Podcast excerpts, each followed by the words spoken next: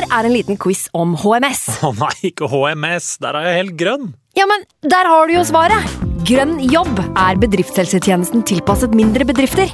Våre HMS-eksperter hjelper mer enn 8000 bedrifter over hele Norge med alt fra lovpålagte HMS-krav til pålegg fra Arbeidstilsynet. Få på plass bedriftshelsetjeneste på grønnjobb.no.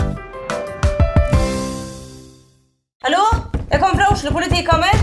Ine Jansen er purk. Er du purk? The motherfucking bitch. Alt jeg vil, er å finne ut hva som skjedde med mannen min. Jon Carew. Er jeg sikta for noe? Iben Akeli. Det er du.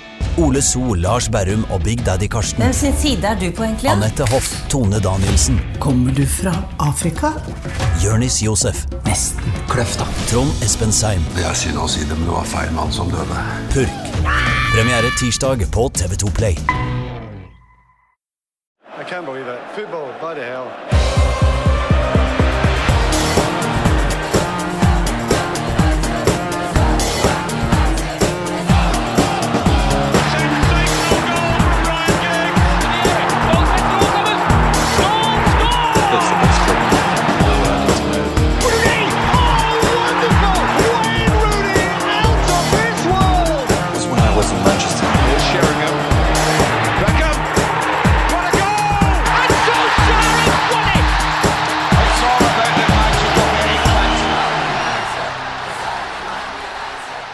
Gjennom hele sommeren har vi med en særdeles stødig og forsiktig hånd bygget et korthus av håp med Erik den Haag som det store esset. Ansett en Ajax-trener med sans for offensiv fotball. Ikke dumt. 4-0 mot Liverpool. Mhm, mhm. Christian Eriksen på free transfer. Finfint. Lisandro Martinez på stopper, stopperplass. Spennende. Det var liksom bare det siste nederlandske Barcelona-kortet kortet som mangla, men på ett døgn raste alt sammen. Var vi naive som trodde Ten Hag kunne gi oss de Jong og topp fire på første forsøk, eller er sjetteplass og Arnautovic realiteten vi må forholde oss til? Det er utgangspunktet for dagens havarikommisjon. Ken er ikke sykemeldt, selv om det hadde vært forståelig. Han har gyldig fravær.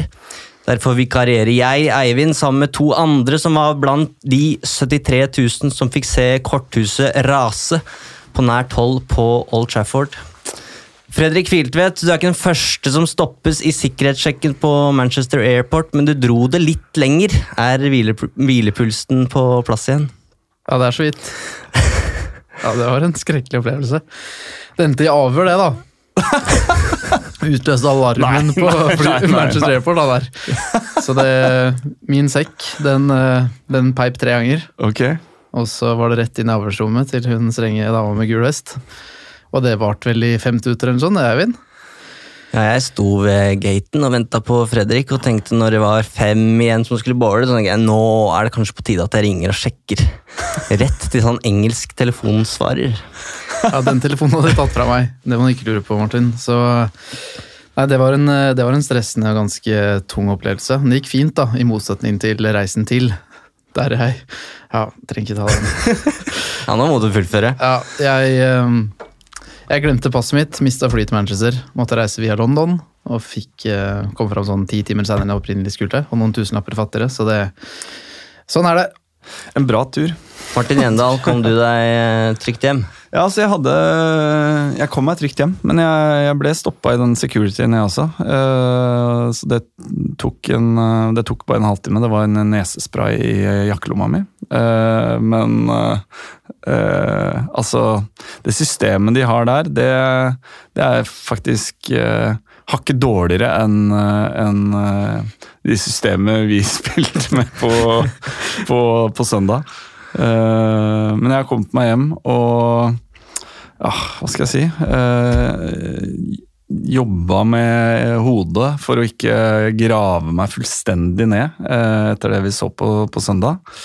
Eh, Jeg tror ikke du er aleine, for det er uh, flere som har spurt om vi ikke rett og slett kunne hatt åpen linje her. Det er ikke plass til så mange flere i, i studio, men klarer vi, hvis vi begynner med det vi så, Martin, eh, klarer vi på en måte å sette ord på det stemningsskiftet som fant sted i Manchester? For vi, vi møttes jo på lørdagskvelden, og det var en veldig fin kveld. Eh, og vi gleda oss til seriestart. Vi fikk til og med servert sol. Eh, laget til Ten Hag inneholdt noen overraskelser, men det var jo en det var jo en tro der. Eh, vi snakka med Roar Stokke på, på flyplassen, Fredrik. og og han følte jo at det var et trykk på Old Trafford helt fram til 0-1.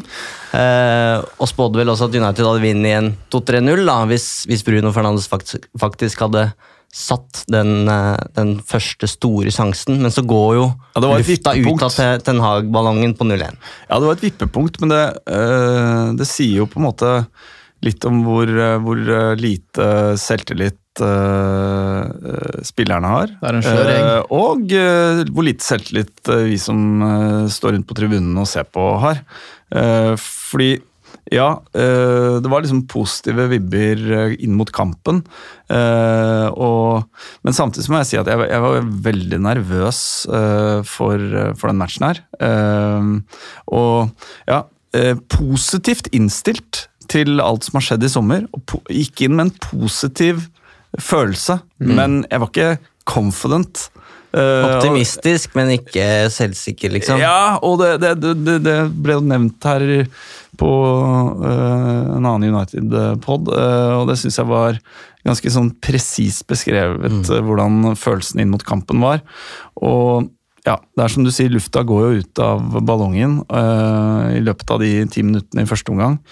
Eh, og i stedet for all optimisme blir jo bare viska fullstendig bort. eh, og det man sitter igjen med, er bare en følelse av sånn totalt håpløshet, på en måte. Eh, og frustrasjon og irritasjon, og plutselig blir alle feil, alle feilvurderinger eller problemområder blir på en måte blåst opp da, eh, til gigantiske proporsjoner. Så ja, jobben eh, Ten Hag har, og jobben den spillergruppa har, og til en viss grad jobben vi som supportere har også, er å prøve å finne et sånt balansepunkt et eller annet sted midt imellom, liksom. Eh, fordi eh, et av de største problemene Ten Hag har nå, i de neste ukene, det er på mange måter oss fansen og media rundt, og sirkuset rundt. For vi må prøve å være tålmodige. Eh, og innse bare det at dette er ikke en, eh, en eh, quick fix. Men- Eller, dette kommer til å ta dritlang tid, og det kommer til å være jævlig vondt på veien. Ordet reality check har jo blitt brukt nå om den matchen her, men det er jo ikke første gang. Altså, Hvor mange reality, reality checks skal vi ha på en måte før, før det bare er realiteten? da? Ja, men det er tror, du, første dag på tror du Ten. Hag tenker annerledes? Ja, det, det vil jeg nesten forvente. Dette er, dette er jo hans første uh, tellende United-match som, eh, som manager. Så han er jo sikkert i eget hode f- helt i startgropa, på en måte. Altså, han er, han er for folk som hører på for oss, altså Vi har alle vært, hatt liksom første, første uka på jobb. eh, og han, han er nå Han har fått liksom nøkkelkort og PC-en, og uh, han har jobba noen uker, på en måte. Men han, han er jo ikke der at han skal liksom Han, har kan ikke vært dømmes på det som har skjedd fram til nå. Nei, det er noe med gjørma vi har gravd i her i ti, ti år Vi har, vi har sittet i dette, denne dritten siden, uh, siden uh, Fergie ga seg, men vi kan ikke på en måte Vi kan ikke dra han ned i den gjørma og gi han skylda for alt som har skjedd fram til han faktisk fikk jobben. Hva skjedde på 01 og 02 på Southstand, uh, Fredrik? Lufta gikk jo totalt ut av ballongen, den gjorde det. Um, og det tok ikke lang tid før drittmeldingene mot enkeltspillere også kom. Ehm, og det, det syns jeg jo sier mye om nettopp det vi prater om, hvor lenge fansen har vært med dette gjørmehullet. At um, Ten Hag skal få tid, men det krever veldig mye av supporterne. Uh, og ikke på en måte på automatikk da, rope ut denne fortvilelsen og dette sinnet og denne sorgen høyt. Uh, Det skal man prøve å holde seg for god til. Jeg forstår at det skjer. Eh, Og så bidrar det selvfølgelig ingen, ingen verdens ting til at spillerne presterer bedre, ved at de får høre hvor ræva det er. Nei, og det tror jeg det, det, er liksom, det er kanskje den største utfordringen han har, i hvert fall nå på kort sikt. da. Altså På lang sikt så er det å bygge et eh, potensielt eh, fotballag som kan eh, vinne trofeer. Men på kort sikt så er det jo å skape et sånt prestasjonsmiljø innad i den gruppa som gjør at han får ut maks av de spillerne som vi tross alt har i klubben. Eh, og jeg kikka litt på den eh, nye eh, Amazon-dokumentaren eh, der du følger eh, Arsenal, All or Nothing. Eh, Og det er, det er interessant uh, altså For det første fordi hvis man spoler et år tilbake, så, så er vi ikke virker jo ikke helt ulikt uh, den starten Arsenal fikk i, i fjor. Uh, Tapte bort mot Brentford. Uh, ja, de lå vel med null poeng og tre tap etter eh, tre kamper. Og det presset som bygde seg opp rundt prosjektet til Arteta fra Arsenal-supporterne altså Det var rett og slett Dette går ikke, liksom. Han må bort, og eieren må bort. Alt, alt, eh, alt var bekmørkt, på en måte. Og så vet vi jo nå, med fasit i hånd, at eh, at den sesongen eh, Arsenal hadde i fjor, det var et, eh, et fint steg på veien for de som klubb. Eh, Og de har eh, gjort ytterligere grep i sommer og fått, etter hva jeg kan skjønne, en bra inngang på sesongen. Så ting kan snu ganske fort i fotball.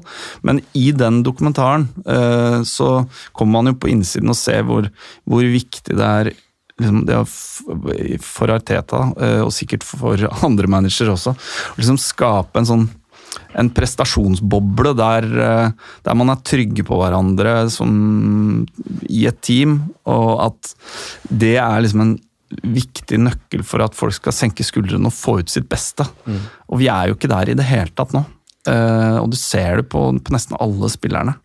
At de er prega av situasjonen. Mm, absolutt. Det er, mye, det er mange likheter med Arsenal-situasjonen i fjor, som, som du sier. Det jeg føler er litt annerledes, er at jeg, hvis jeg husker riktig, da, så var det så at uh, Arteta hadde fått full backing på overgangsmarkedet. De hadde henta mange gode spillere. Var mye unge spillere som hadde kommet til klubben, definitivt. Så det var en sånn stor positiv greie med at de har henta mye bra, det skal presteres fra dag én. Uh, så der gikk jo frustrasjonen mye på at Arteta hadde fått som han ville, og likevel presterte ikke laget. Så her føler jeg at i hvert fall United-fansen kanskje fritar Ten Hag for en del av det sinnet. Det er retter seg mer mot spillerne og eierne, og hvilken situasjon klubben er som helhet. da.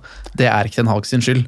Det er jeg Så sånn 100 sett enig. Så tror jeg han får mye gratis fra fansen, men at dette er en skjør gjeng som egentlig aldri har prestert. De har, de har en andreplass. Mm. I United målestokk så er det på en måte De siste ti åra er det kjempebra, men historisk sett så er det for dårlig. Mm. Eh, Så når det da starter på den måten her, hvor for spillernes del så er også på en måte Ten Hag håpet deres, da. Mm. Og så står de på bar bakke alene ut matta, ligger under 2-0, og det er ingen som tar tak. Kaptein Harry Maguire ser like fortvila ut som resten. Det er ingen leder ute på banen der. Så i hvert fall Ten Hag slipper jo ikke unna kritikken for dårlige prestasjoner, men jeg tror fansen vil i langt større grad være tålmodig med han da, enn man er med spillerne og lederne. Ja, og som du sier, Martin, altså det er nytt for Ten Hag, men uh, var det han bak oss sa, Fredrik? Same shit again uh, etter 0-1. Og det er, det er litt det følelsen det er. At oi, uh, nå fortsetter bare forrige sesong, liksom. Nå er vi inne i den samme gjørma igjen. Uh, og så får vi se om altså Akkurat som Ariteta, Arteta, så er jo Ten Hag en visjonær. Uh, og så hjalp det ikke Arteta helt å simulere Anfield på treningsfeltet og sånn. Det er noen rare klipp i den serien nå, det må jo være lov å si det. Ja, ja. Men, uh, men den første omgangen, det som kanskje er mest bekymringsverdig, er jo hvor, hvor fjernt den første omgangen er fra det vi har sett i sommer. Eh, og vi har jo snakka eh, med kilder, Fredrik, som forteller hvor eh, hvordan Ten Hag har pitcha prosjektet sitt internt og fått ekstremt god respons. Men hvis vi skal vurdere det ut fra de første 45 minuttene, så, så ser det ut som en gjeng som ikke aner eh, hvor de skal. Men, men det kan vi jo ikke gjøre. Eh, vi kan ikke vurdere det ut fra 45 minutter fotball. Eh, eh, og det er jo en gang sånn også at det har jo noe å si hvem du, hvem du møter. Og Brighton er et eh, imponerende fotballag, og Graham Potter er en av eh, Altså I mine øyne kanskje den mest spennende unge britiske manageren. Eh, han har jobba med den spillergruppa i eh, tre år. Uh, han har satt sammen det laget. De spiller De vet hvordan de skal operere i rollene sine. Og uh, nå i, dag, og både på Dietetic og United.no, så kommer det jo noen taktiske analyser av kampen som på en måte bryter ned hva er det som egentlig skjer. Eh, og eh, det viser jo at eh, at han var rett og slett bedre han var bedre forberedt til den kampen enn enn, både spillerne og han som manager hadde, var bedre forberedt, hadde en bedre gameplan innen kampen enn det Ten Hage og United-spillerne hadde. Uh... Det er mulig, jeg forenkler det litt, men det, det, ut fra det jeg har lest, så det nest, kan minne litt om den Europa League-finalen Mourinho hadde mot nettopp Ajax. Uh, hvor han rett og slett uh, slår langt, sånn at Ajax ikke får muligheten til å presse. Og Det er jo Ja. litt det eh, Brighton gjør. Eh, Ten Hag sa det på pressekonferansen at eh, vi trodde de skulle spille langs bakken, det gjorde de ikke. De spilte, de spilte langt, eh, og da, ikke, da, da er det ikke press det handler om, det handler om andre baller. Mm. så det, hvis vi skal unnskylde Ten Hag litt, så kan det være at de rett og slett ikke fikk brukt kampplanen som de hadde forberedt, men da er jo spørsmålet hvor er plan B? Mm. og den var jo ikke til stede. Nei, og det, er også, ikke sant eh, Nå kan jeg trekke inn Roar Stokke igjen til, fordi han sa kjapt også at han besøkte Grand Potter i Østersund da han var trener der, eh, og snakka med en om kampledelse. Og da var det så at eh, Potter han hadde ti forskjellige formasjoner i løpet av 90 minutter.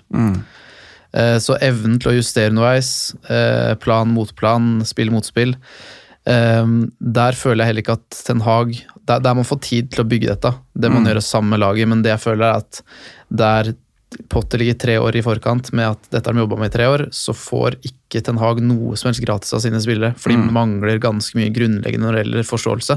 Det at de skal lese at å ja, de, de slår langt, da må, kan vi selvfølgelig ikke stå høyt med halve laget så at det blir strekk i laget vårt. Det skjønner ikke de selv, føler jeg da. Det er på en måte, det er ganske mye som mangler oppi hodene på mange av de. Eh, og når Ten Hag da også Jeg tror han får seg noen overraskelser underveis. At skjønner du ikke dette selv? Må jeg rett og slett stå og passe på hele tiden? Eh, og ja, i starten så er den faktisk nødt til det. Sånn er det. Ja, ja, det, jeg, jeg tenker sånn om, eh, Når vi er ti kamper inn, så har vi nok et uh, litt bedre bilde av eh, hvorvidt noe av det vi har sett tendenser til under preseason, lar seg på en måte overføre og, og gradvis implementere eh, i, i Premier League. Uh, men uh, altså, det er han, som han sa det, det, it's a hell of a job. Det er så mange utfordringer foran, eh, foran oss, både på kort sikt de neste to ukene. Og da tenker jeg selvfølgelig på hva som kommer inn døren, og hva som eventuelt forsvinner ut. Men jeg tror nesten liksom For de neste det neste halve året så er liksom den største utfordringen hans er å prøve å, skape et liksom et prestasjonsmiljø der han får løfta selvtilliten og fått ut potensialet til mange av de spillerne uh, vi har i klubben. For én for én så er det, det er fryktelig mye gode fotballspillere der, men de er totalt blotta for, for selvtillit eh, når presset blir økt noen knepp opp fra, fra preseason. Eh, Og jeg har tenkt på en annen ting, og det er jo Ja, du refererte til vi fikk en andreplass i ligaen. Året før der eh, fikk vi en tredjeplass. Mange av de matchene ble spilt uten tilskuere, i et slags vakuum. Det er mye av liksom den pressure cookeren engelsk fotball er, til en viss grad var fjerna. Det var Selv journalistene satt på andre enden av en Zoom-samtale.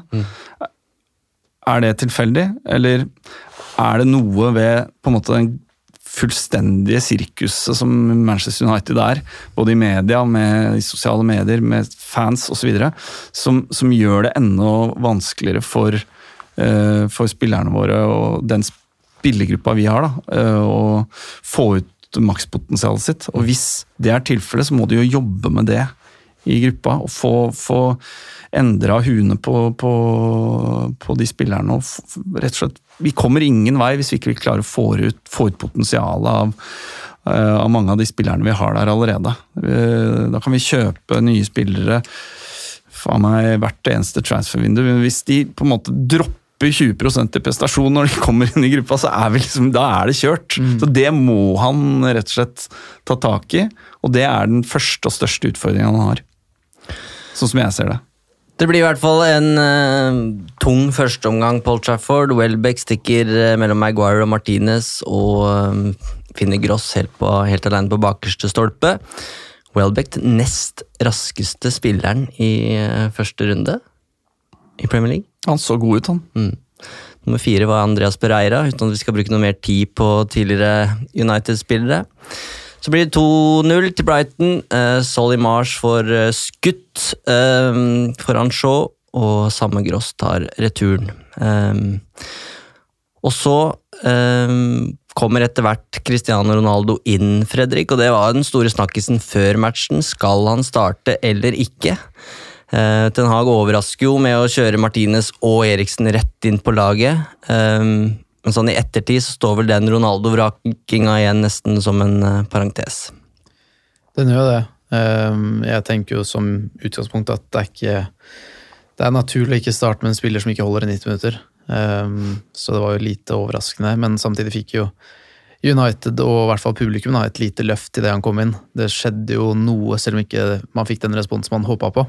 Så følte jeg også at det skjedde noe med at ok, nå gutter, nå må vi legge oss lavere, sa liksom Brighton-gjengen. At nå kommer Ronaldo, nå må vi, nå må vi opp, et, opp et hakk her. Um, men uh, Nei, det var tynn suppe, altså. Det viktigste egentlig med det byttet var jo ikke, sånn som jeg så det, var ikke nødvendigvis det at vi fikk eh, Ronaldo inn som, som spiss, men at det betød at eh, Eriksen ble flytta litt bakover i banen. Fra, fra Eh, falsk, så- falsk nier til dyptliggende midtbanespiller, og det fungerte jo bedre. Så mye mer komfortabel ut, og det er jo, det er jo den rollen vi venter på at eh, en viss uh, Frenkie forhåpentligvis uh, fortsatt kan, eh, kan ta, da. Han ikke- havner i fengsel. Vi kommer dit. men men, men jeg håper og tror at når, vi, når vi starter kampen mot eh, Brighton, så har jeg veldig gjerne lyst til å se eh, Eriksen i en nykomponert eh, midtbane. Mm. Eh, og at vi, at vi ikke eh, starter den bortekampen med både Fred og McTomney på, på banen. Som jeg syns begge to presterte langt under eh, det som man kan forvente av eh, en Manchester United-spiller. Det var for dårlig, rett og slett. Ja, de eh, får kjørt seg. Både Scholes og Neville og Keane er ganske kritiske, og det var jo eh, vi som satt på Old Trafford òg, til, til den midtbaneduoen. Eh, Scholes la ut på Instagram, faktisk. Eh, altså det å være midtbanespiller handler om å om hvordan du er posisjonert med kroppen din når du mottar ballen. Det å være forberedt på hva du skal gjøre. Det høres jo ut som en eh, ganske, egentlig ganske Han mista det, ifølge Gary Neville. Ehm, og det altså hva skal jeg si, Problemet det vises så godt, Fredrik, når du eh, finner fram det klippet av Frenkie de Jong eh, mot Pumas i en treningsmatch litt senere på, på kvelden. Ja, vi snakka om det, Eivind, at uh, hvordan en god fotballspillersmann får helt uh, basic ting til å se vanvittig enkelt ut for han, men hvor man da også ser hvor vanskelig United-spillerne gjør det for seg selv. Uh, der Frenkie dropper å ta touch og bare lar ballen rulle videre, så at han får med seg ballen i fart. Der tar gjerne Fred og McTomney en touch inn i banen og slår en støttepasning, når det egentlig er fullstendig åpent til å bare ta med seg ballen offensivt. Um, og det er jo grunnleggende ferdigheter. Um, kroppsstilling, som holde er inne på. Så Han endrer jo på en måte fasen fra å være forsvarsspill til å bli angrepsspill ved å vende av og sette fart.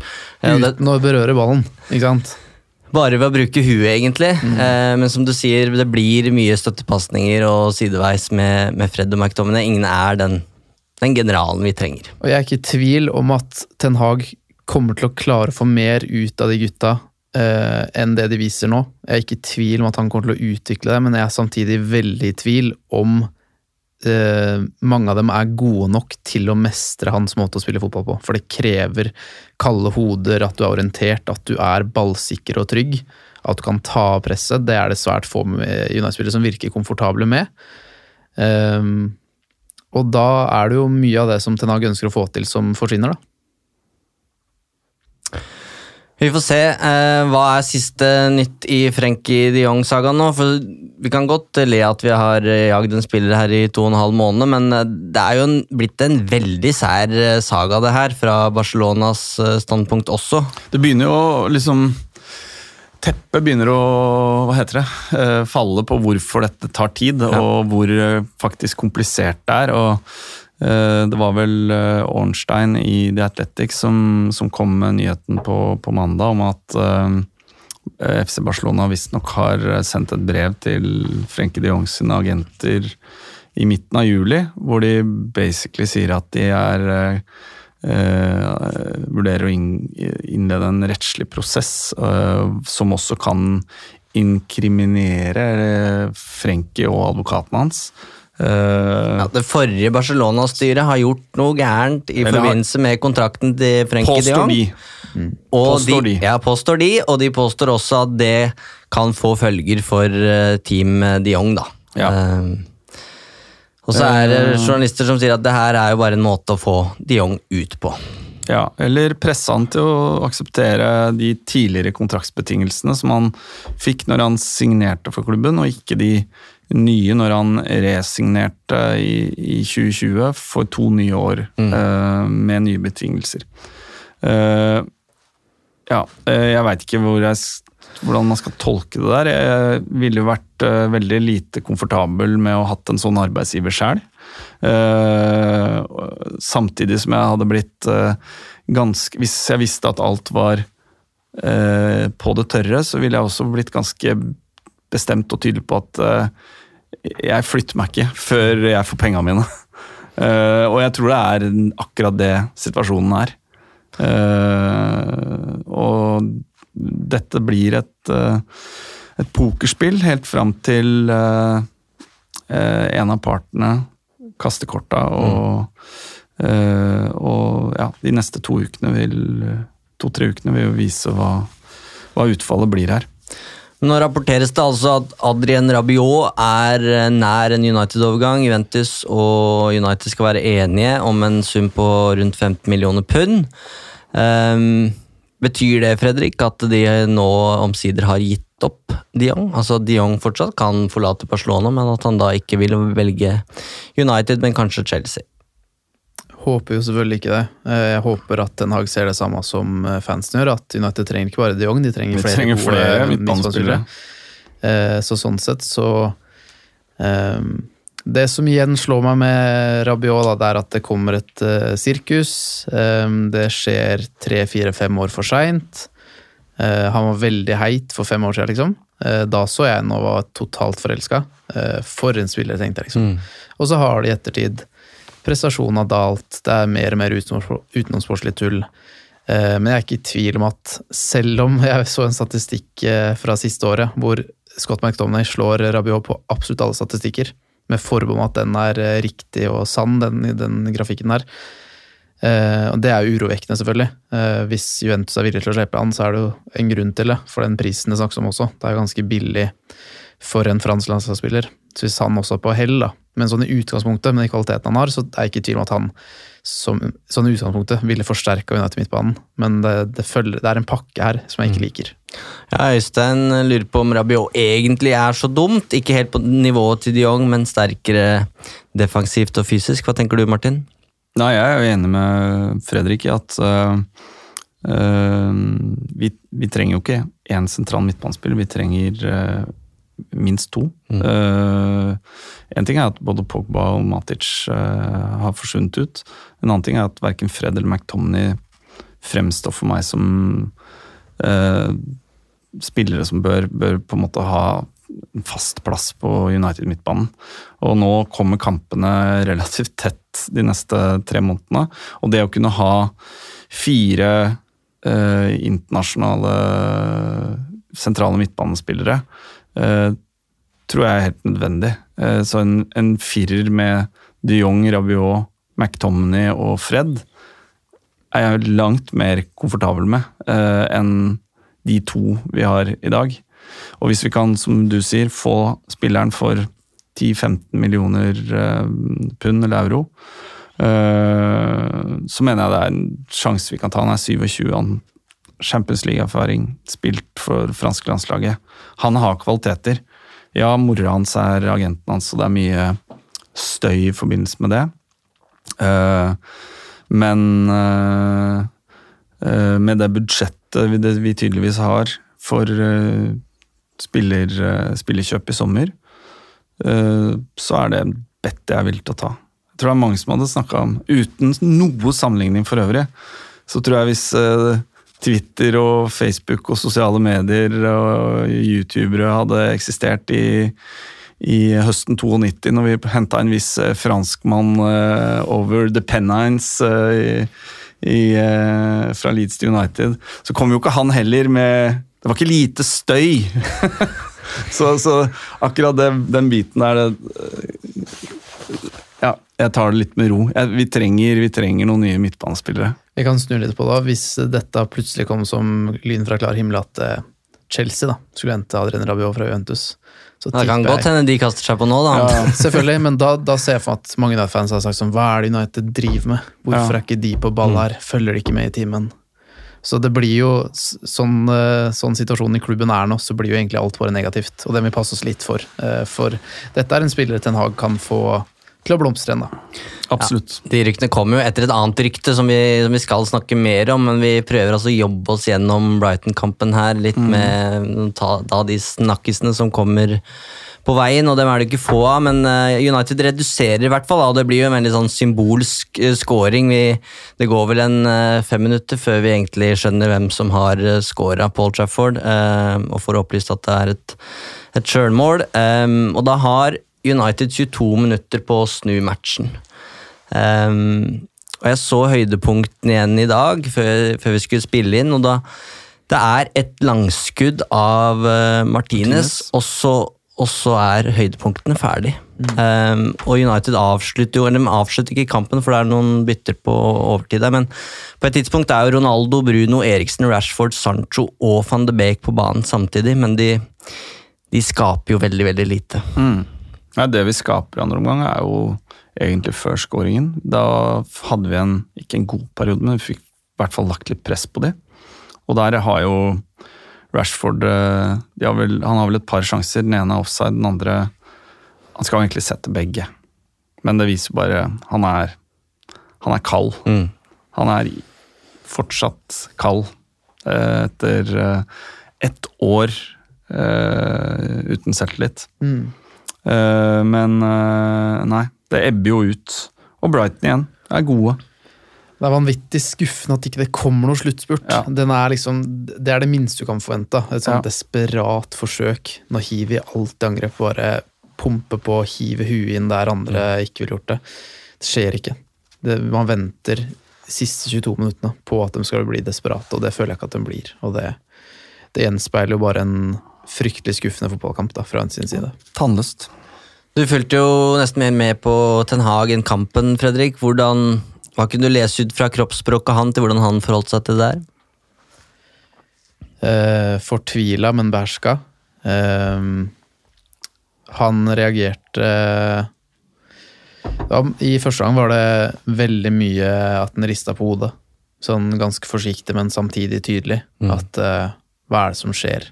Eh, og det var helt grunnleggende ting som at De Gea slo langt når han pekte, han pekte på Shaw.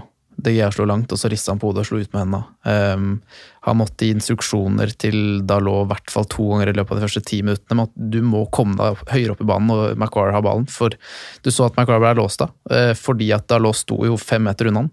Og idet da Ten Hag fikk liksom han høyere opp i banen, så åpna seg rom for Maguire til å ta med seg en kula. Eh, som garantert er helt grunnleggende ting i filosofien til Ten Hag, som ikke sitter på åpningsdagen i Premier League etter å ha øvd på dette i en hel preseason, og vi også trekker fram nettopp Dalot da, som en veldig lovende Altså veldig sånn fin, eh, fin utvikling.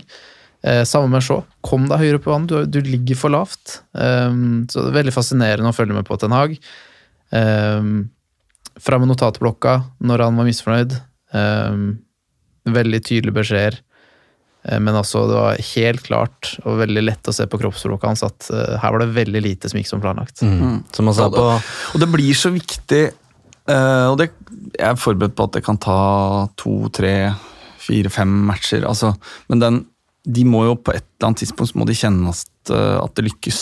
At instruksjonene de får, eh, beskjedene de får, eh, at, det, at det lykkes. At de får positive opplevelser. Uh, og det var jo det, jeg, det, var det som var liksom drømmen inn uh, mot den første kampen. Uh, at ja, vi skulle vinne og ta tre poeng og alt det der, men vi kommer ikke til å vinne ligaen uansett, så Men få de positive opplevelsene, få bekreftelsene på at det de øver på, funker, da. Eh, men vi må nok vente lenger. Det var jo det han sa også, Ten Hag, etter kampen. eh, Always bring the convincement on pitch, eh? Ikke sant? Um, Og der, de, de får en marerittstart, da. For det er åpenbart at frispilling det er noe de har øvd mye på, det er noe de har øvd veldig mye på i preseason. Så er det jo etter få sekunder der hvor Martinez kaldt tar ned ballen på brystet i en duell med Welbeck, triller den videre i bakre rekke der, og så mister United kula. Så kommer de igjennom. Sånn, kunne havna under 0-1 etter 15 sekunder. Og så er det jo etter 8-9 eller 10 minutter også at eh, Fred eh, De skal spilles opp bakfra.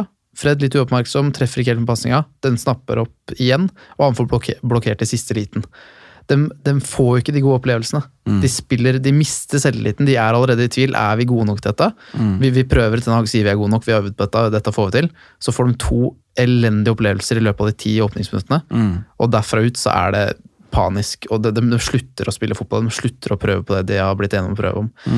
Og det, det er helt naturlig, de er mennesker de òg, og de mangler selvtilliten, så da, da går det som det går.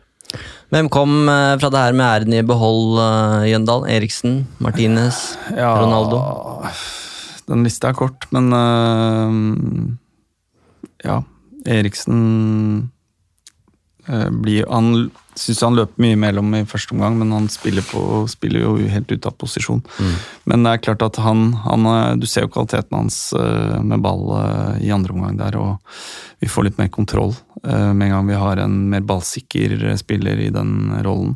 Uh, Martinez også viser jo noen har en positive involveringer. Du ser han er du ser han har mer selvtillit enn eh, mange av de andre gutta ute på banen der til å ta ned ballen, prøve å spille seg ut i pressa situasjoner.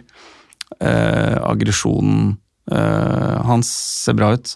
Arild er Eh, litt bekymra, for han syns Martinez tapte mange dueller mot Welbeck, og han vil møte sterkere og bedre spisser. Ja, vi får se. Uh, han kommer nok til å bli litt sånn at folk kommer til å legge seg på han for å teste den. Velkommen til Premier League, liksom. liksom. Han er jo tøff. Absolutt. Jeg syns ikke det, det det er, ikke Jeg er ikke veldig bekymra for det. Eh, Sånn eh, ut fra det, er andre større bekymringer ut fra de 90 minuttene. Mm.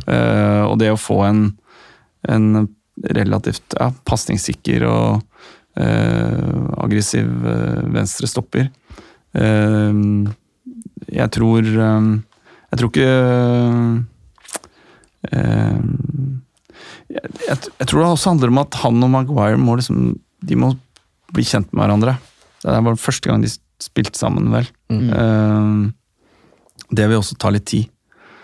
Eh, men eh, det, er, det, var ikke mange, mange United-spillere på banen der som, som fortjener å trekkes frem for noe positivt. Ronaldo Fredrik, meget fokusert før han kommer på banen der. Ja, det var uh, interessant å se. Jeg uh, fulgte med på han da den kom ut fra garderoben til andre gang, og det, det blikket der uh, Steinansikt. Han blunka ikke en eneste gang fra han gikk ut av tunnelen til han var midtveis inn på banen. Eh, prata intenst med seg selv, så rett og slett forbanna ut over at han ikke hadde blitt bytta ut ennå. Nei, bytta inn ennå. Og det, det regna han nok med. At vi snakka om det, at det hadde ikke overraska om, om han egentlig satt og gjorde seg klar i pausen for å signalisere til Ten at jeg forventer at du bytter meg inn. Um, men jo, han, eh, han får ikke til stort, han heller. Det er et eller annet med tilstedeværelsen hans som gjør noe, men eh, prestasjonen han, han er vel nesten ikke involvert, der nede. Nei, det er eh, som sagt det er jo ikke flere høydepunkter igjen. eh, annet enn det langskuddet, så det blir veldig lite sjanser. Og jeg kan ikke huske ett skudd fra Ronaldo. Um, jeg tror vi lar kampen ligge. Det ligger en taktisk analyse av Øyvind Eide på united.no. Den er eh, lang og detaljert. Sjekk den hvis dere vil vite mer. Um, Hvis dere vil grave dere ytterligere ned. Grav dere ned. um, det er 87 dager siden Erik Den Haag møtte klubben uh, for første gang. Det var dagen etter uh, siste serierunde med Ajax, og manageren skal ha sagt at han trenger nummer én, en midtbanespiller som kan diktere tempo foran forsvaret, helst Frenkie de Jong, og nummer to en angrepsspiller eh, med fart, gjerne Antony. Um, med tanke på det vi har vært gjennom de siste ti åra her, eh, Jøndal, når vi da kobles til Marco Arnautovic og Adrien Rabiot, som vi har vært innom, um, hvordan er det mulig at Manchester United ikke klarer å, å gi Erik Den Haag det han ønsker seg? Ja, det, vel, det handler vel om penger, da. Vi har satt av 1, eller 120 millioner pund i overgangsvinduet. Eh, Vi klarer fortsatt ikke å selge spillere. Eh, eller få noe særlig verdi ut av det. Eh, det er eh, Andreas Pereira. Eh, kanskje vi får kan få eh, 10-15 millioner euro for Bailly. Eh, Lingard skulle vi solgt for et år siden. Uh, keeperen vår i Forrest burde vi også solgt når eh, Chelsea vil gi 40 millioner pund for den. Det er, det er bare dårlig, dårlig styring, og på toppen av det eiere som tar penger ut av klubben. Altså den, den biten av det er jo på en måte det mest deprimerende av hele Men det virker som de jager Eh, spillere de egentlig ikke klarer å få tak i. Burde de ikke Jo, men, men så samtidig så kan du, du Det er jo så kan, så kan man snu på det, så kan man si ok eh, Vi har, vi har henta Martinez, eh, vi har henta Eriksen, vi har fått inn en talentfull venstreback. Vi venter jo åpenbart og holder kruttet tørt for å kunne kjøpe Frenkie de Jong fra Barcelona. Da har vi i realiteten brukt store deler av budsjettet vårt. Så får vi kanskje inn eh, noe ekstra penger. Eh, og eh, vi har fortsatt Ronaldo i klubben. Jeg tror vi har planlagt for å beholde han en sesong til. Det er jo alt som blir kommunisert. Eh, og vi har en Martial som har vist eh, tendenser i sesongoppkjøringa, men som dessverre ikke fikk, fikk det til fikk starte nå pga. skade. Eh, det, er, det er situasjonen. Ok. Eh, holder det uh, i spissrekka? Nei, det gjør det ikke. Uh, skal man Men samtidig skal man kjøpe en første en, en spiller som skal starte, som forventer å starte hver eneste match, når du i tillegg har Ronaldo og har Martial der. Uh, vil det makes more sense å hente en, en erfaren, proven goalscorer til en billig penge, som aksepterer å sitte på benken, eh, som aksepterer å være en, en squad player, som, men som samtidig har noe ved seg som kan komme inn og påvirke matcher de siste 15-20 minutta.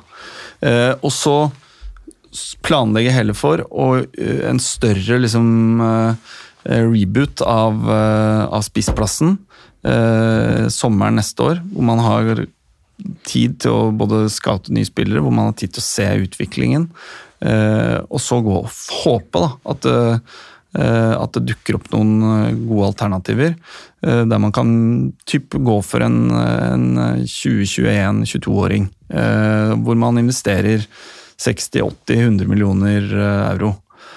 Jeg tror det er det som er eh, tanken fra, fra den sportslige ledelsen og fra Ten Hags side. Og eh, Hvor jeg jeg skjønner på en måte hva de mener. Jeg skjønner hvorfor. Ja. Men hva tenker du da når Marko Arnautovic er Ja, da navnet som tenker jeg at det er det beste alternativet de finner til en relativt rimelig pris, og som er en spiller som, som kan, som Erik Den Haag mener kan utgjøre en forskjell både inne i spillergruppa og komme ut av benken de siste ti minuttene. Eh, men som heller ikke vil skape noen problemer ved at han ikke får spille. Han er ikke henta for å starte. Jeg har ikke jeg har ikke liksom eh, god nok oversikt over uh, spillere i den kategorien. Eh, men uh, jeg klarer ikke helt å liksom fullstendig grave meg ned i, i, i alle tweets fra United-fans som mener det er liksom det bare, det er et slags bevis på hvor bekmørkt mørk situasjonen er. Eh, fordi ja, jeg skulle selvfølgelig ønske at vi hadde et eh, overgangsbudsjett som var eh, på 100 millioner pund mer, og vi kunne, men hvem skulle vi da blåst det på en 19-åring fra, eh, fra eh, Salzburg, eh, som Som nå er klar for Leipzig. Ja, neste Men- sommer. Ten Hag, altså Arnautovic skal være et, et uh, Ten Hag-target. De skal ha fått avslått et bud på 7 millioner pund. Uh, han var jo altså i Westham, forsvant til eh, Kina. Nå er han, er han i Bologna. Skåra 14 mål på 33 kamper forrige sesong. Og Ten Hag og McLaren kjenner jo Arnautovic fra tida i Tvente, men det begynner å bli lenge siden, Fredrik, og det er Det er mange som rister på huet av det her.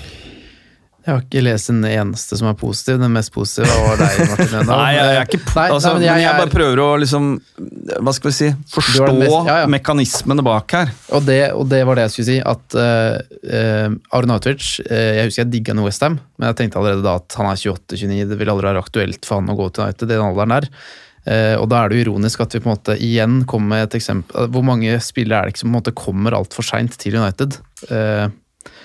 Han vil jo være Alderen er imot, eh, det er noe med personlighet og historikk og trøbbel med anklager om rasisme og fascisme og det ene og det andre som på en måte er Du vil ikke ha den pakka heller, da. Men spilleren Arnautovic eh, kan utvilsomt komme inn og gjøre en forskjell.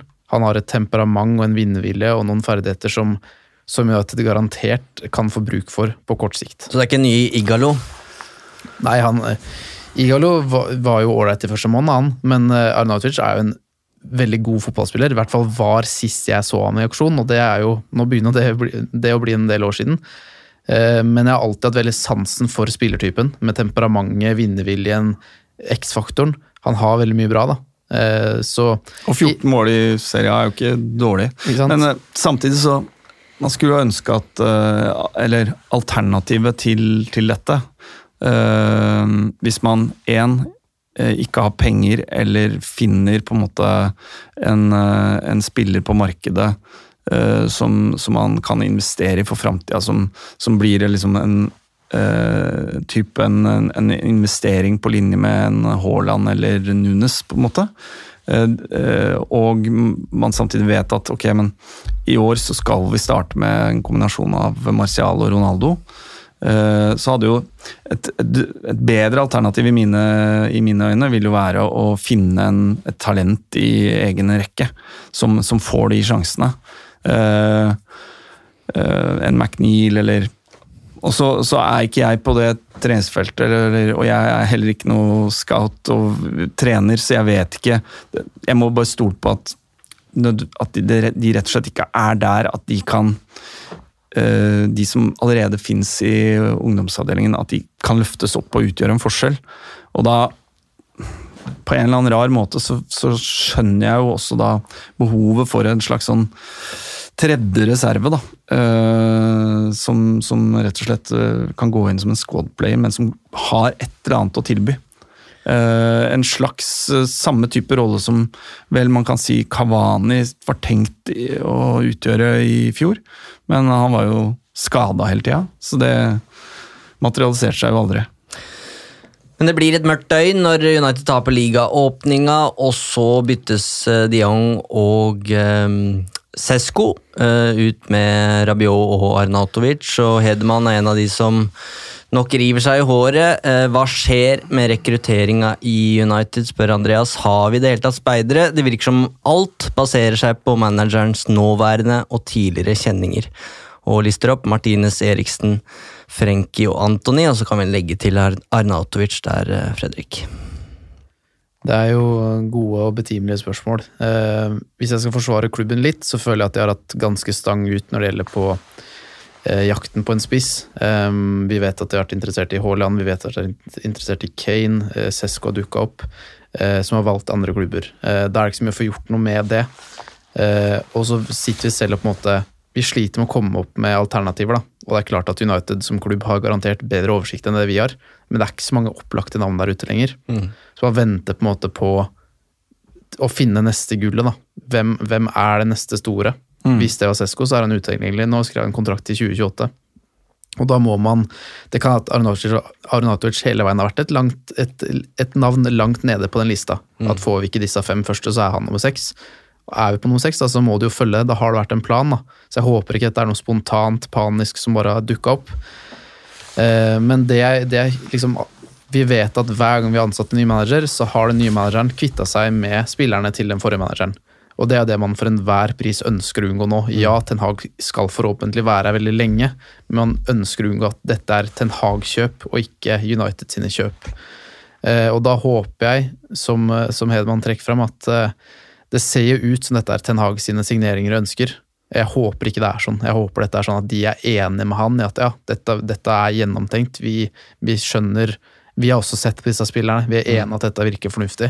Um, Ja, eller, jeg- ellers, jeg er man, ellers er man i en situasjon der man Ok, det kommer en ny trener inn, uh, og uh, i et sånt første vindu, andre vindu, tredje vindu, så er det naturlig at uh, liksom ut av gaten så må han få satt sitt preg på laget. Han må få spillertyper og spillere eh, som, som, han, eh, som han går for. Og at det, ok, vi backer han, men at den samtidig at den langsiktige planen handler om at ok, én, må stabilisere skuta, på en måte. eh, og få implementert den måten han ønsker å spille på. Men at gradvis så vil Ten Hag sin jobb dreie seg om det som skjer på treningsfeltet, utviklingen av de spillerne man har, og at man, at man også da, etter hvert som vi forhåpentligvis klarer å utvikle oss i positiv retning, får en mer og mer langsiktig rekrutteringsstrategi. Eh, og det syns jeg jo man kan se tegn til i f.eks. City og, eh, og, eh, og Liverpool. At, eh, eh, at etter hvert som man har fått mer og mer orden på det som foregår ute på banen, og eh, de 14-15 liksom kjernen av førstelagstallen, så kan man også tillate seg å være mer langsiktig i planleggingen. Selge spillere eh, med, til bra priser, og liksom hele tiden fornye, fornye seg. 10-15% fra sesong til sesong. Vi er jo ikke der. Eh, og eh, eh, det, kommer til å, kommer til å være en vanskelig og, og komplisert uh, vei å gå hvis vi skal komme dit. Uh, ja. Så får vi se. Uh, vi har jo hørt Fredrik, at det skal tre spillere Altså han ønsker seg egentlig tre spillere til. Og det skal jo være 85 millioner i potten her som ikke er brukt, da, hvis ikke Frenkie de Jong kommer. Og verken Rabiot eller Arnatovic blir spesielt dyre. Tror du det jobbes bak kulissene med et, kall det A-kjøp? Det må gjøre det. Jeg nekter å tro at eh, de ikke gjør det. Men hvem det skulle være, eller om alle pengene bare er satt og øremerka Frenkie de Jong eh, Jeg nekter å tro at det står så dårlig til. Ja, altså jeg tror, jeg tror det, det, vi kommer til å selge noen rettigheter i MUTV og noen TV-rettigheter, og så hente Declan Rice for 150 millioner pund før eh, 1. september. Nei, altså jeg, jeg, jeg, jeg skjønner ikke helt hvem, hvem det, Det skulle være. det. Uh, uh, det er, ja. Declan Rice for dyr, Jude Bellingham utilgjengelig. Ingen av dem. Jeg kan ikke se for meg at det skjer eh, i nærmeste framtid, eller i det hele tatt noensinne, med tanke på at Liverpool kommer garantert til å være på ballen når Bellingham skal bort fra Dortmund og andre Mm. klubber også, så det, det blir knallhard konkurranse. Um, men nei, jeg, med, med Sancho så sparte de på en måte pengene til neste sommer så at de kunne hente han. Uh, United er ikke i noen posisjon hvor de kan spare penger og vente et år på spillere. De, de må hente her og nå. Men vi vet også at Ten Hag skal tilsynelatende ikke hente for å hente. Det handler om karakter og spillertyper, og da også skurrer det litt av med Rabiot Arnautovic i mine øyne. Uh, Men igjen, de, de kan forsterke laget fra dag én, og på kort sikt eh, potensielt, så det er et uh, tungt spørsmål. Det blir, uh, det blir eh, fascinerende og spennende å følge med de neste tre ukene på det som foregår uh, på transfer-sida. Men så tror jeg nesten at uansett hva som skjer, så blir den viktigste Det viktigste jobben han skal gjøre nå fram til holdt på å si neste vindu, det, det, han må liksom klare å skape en, en, et team eh, og en trygghet i den spillergruppa som gjør at de presterer på et høyere nivå, at de klarer å utvikle seg videre som fotballspillere. Eh, Og lykkes han ikke med det, så, så kommer han ikke til å lykkes i den jobben. Fordi vi kan ikke, vi, vi, rekker, vi får ikke bytta ut eh, hele startelveren, på en måte. Eh, så, så det er den viktigste jobben. Få, få i gang Marcus Rashford, få Jaden Sancho til å prestere. Få Bruno opp på det nivået vi vet han kan levere på. Uh, få satt en, en forsvarsrekke som, uh, som funker sammen. Uh, og, og, og, så, og så må vi tette hulla på midtbanen uh, fram til 1. september. Eh, det er liksom ikke noe alternativ. Nei, er det liksom over Jeg sjekka um, liksom de elverne som har spilt mest de siste ti åra, og jeg tror vi liksom må tilbake til 2010-11-sesongen, altså, med, med Fletcher og Carrick, og heller ikke det var jo kanskje en liksom helt på øverste hylle midtbane på den tida, men at det er rett og slett det er forrige gang United hadde en solid midtbane det ikke var noen, noen spørsmålstegn ved. Mm. Vi har jo klaga på midtbanen uh, i ti år, Eh, og sikkert før det òg. Det var jo alltid der eh, no value in the market fra Ferguson, når vi mente at det var behov for forsterkninger. Så det har vært Uniteds uh, akilleshæl i, i veldig mange år. Man har trodd at når det kommer Scheinsteiger og Schneiderlin og de ut der inn, så endelig bredde og kvalitet i troppen. Så bommer man med signeringene i tillegg, sant? så kvitter seg med de inn et par år. eh, og så starter jakten på ny. Så, så dette er et eh, langt og vondt magesår for United. Jeg syns dere har svart eh, de kritiske spørsmålene jeg har bomba dere med veldig godt. Eh, det er veldig, veldig gode betraktninger fra både høyre og venstre her. Eh, har du kjøpt en ny sekk, Fredrik? Jeg må jo fort det, da. Hva, hva skjedde? Nei, de mente, altså Det er noe av det villeste jeg har hørt. Jeg spurte liksom, er det noe jeg kunne gjort annerledes. Er det, er det liksom min skyld? Var det noe jeg hadde med som stoppa meg?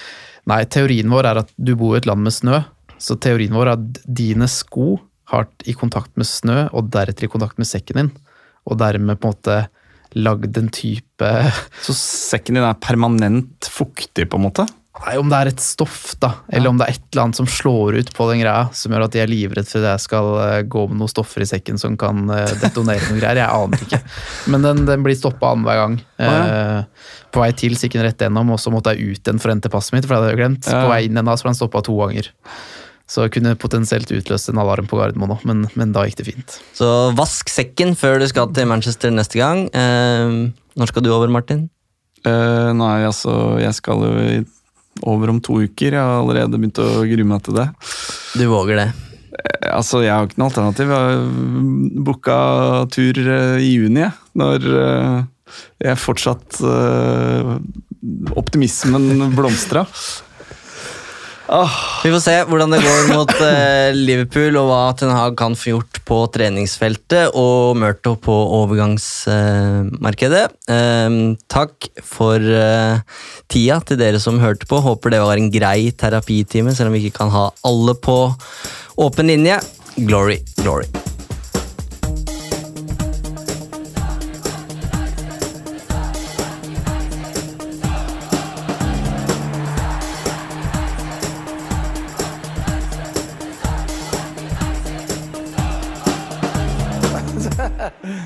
True. I've seen many things. Moderne media. Ukens annonsør det er matkasseleverandøren Hello Fresh. Der kan du velge mellom 25 ulike oppskrifter hver uke, eller få Hello Fresh til å sette sammen en meny for deg. Jeg sparer tid på å handle, oppskriftene er veldig enkle å lage, og så får jeg akkurat det jeg trenger da, til hver eneste rett, så jeg slipper å kaste så mye mat som jeg vanligvis gjør. Det er også litt deilig å faktisk slippe å gå på butikken, ikke bare fordi det er tidkrevende, og sånn, men fordi man ender opp med å kjøpe så mye greier som man egentlig ikke trenger, sånn som fire poser eh, Smash og en kick med havsalt, eksempel. Det er ikke det du egentlig er der for, du er der for å kjøpe, kjøpe middag. Så det er en veldig eh, kjekk ting. I tillegg så er det jo eh, ferdigporsjonerte ingredienser, det blir mindre matsvinn, og du betaler bare for det du faktisk trenger, og det du faktisk da spiser. I tillegg så blir det da levert på døra til et eh, fastsatt tidspunkt, sånn at du kan få det akkurat når det passer for deg eh, sjæl. Hvis Hello Fresh høres ut som noe for deg, så har jeg en rabattkode du kan bruke også. Gå inn på hellofresh.no og bruk koden HelloUnited24. HelloUnited i ett ord, også 24, og få opptil 1779 kroner i rabatt på de fem første matkassene dine hvis du ikke har prøvd Hello Fresh ennå. Du kan også bruke koden hvis du tidligere har vært kunde, men har stoppa abonnementet ditt for tolv måneder siden eller mer. Det er ingen bindingstid, og du kan pause eller avslutte abonnementet ditt akkurat når du selv måtte ønske. Husk koden HelloUnited24, og bon appétit! Ukens annonsør er Folio, en smartere banktjeneste for deg som har en egen bedrift eller ønsker å starte for deg selv. Folio er en superenkel nettbank for bedrifter. Som kunde i Folio får du en bedriftskonto med et bedriftskort og app. I denne appen er det smarte løsninger som forenkler regnskapet ditt, uansett om du har en liten bedrift eller et enkeltpersonsforetak. Folio er både intuitivt og brukervennlig, og er laget med et enkelt språk. I tillegg tilbyr de forutsigbare priser og ingen skjulte gebyrer. Skulle du likevel trenge det, så kan du snakke med deres raske og hyggelige kundeservice, og der får du prate med en faktisk person og ikke en chatbot. Folio er med andre ord både enklere og koseligere enn banken. Over 10 000 bedrifter har allerede valgt Folio som sin banktjeneste, så besøk folio.no og se hvordan Folio kan forenkle din hverdag også. Har du et enkeltpersonforetak eller en liten bedrift? Da er du sikkert lei av å høre meg snakke om hvor enkelt det er med kvitteringer og bilag i fiken, så vi eh, gir oss her, vi. Fordi vi liker enkelt. Fiken superenkelt regnskap.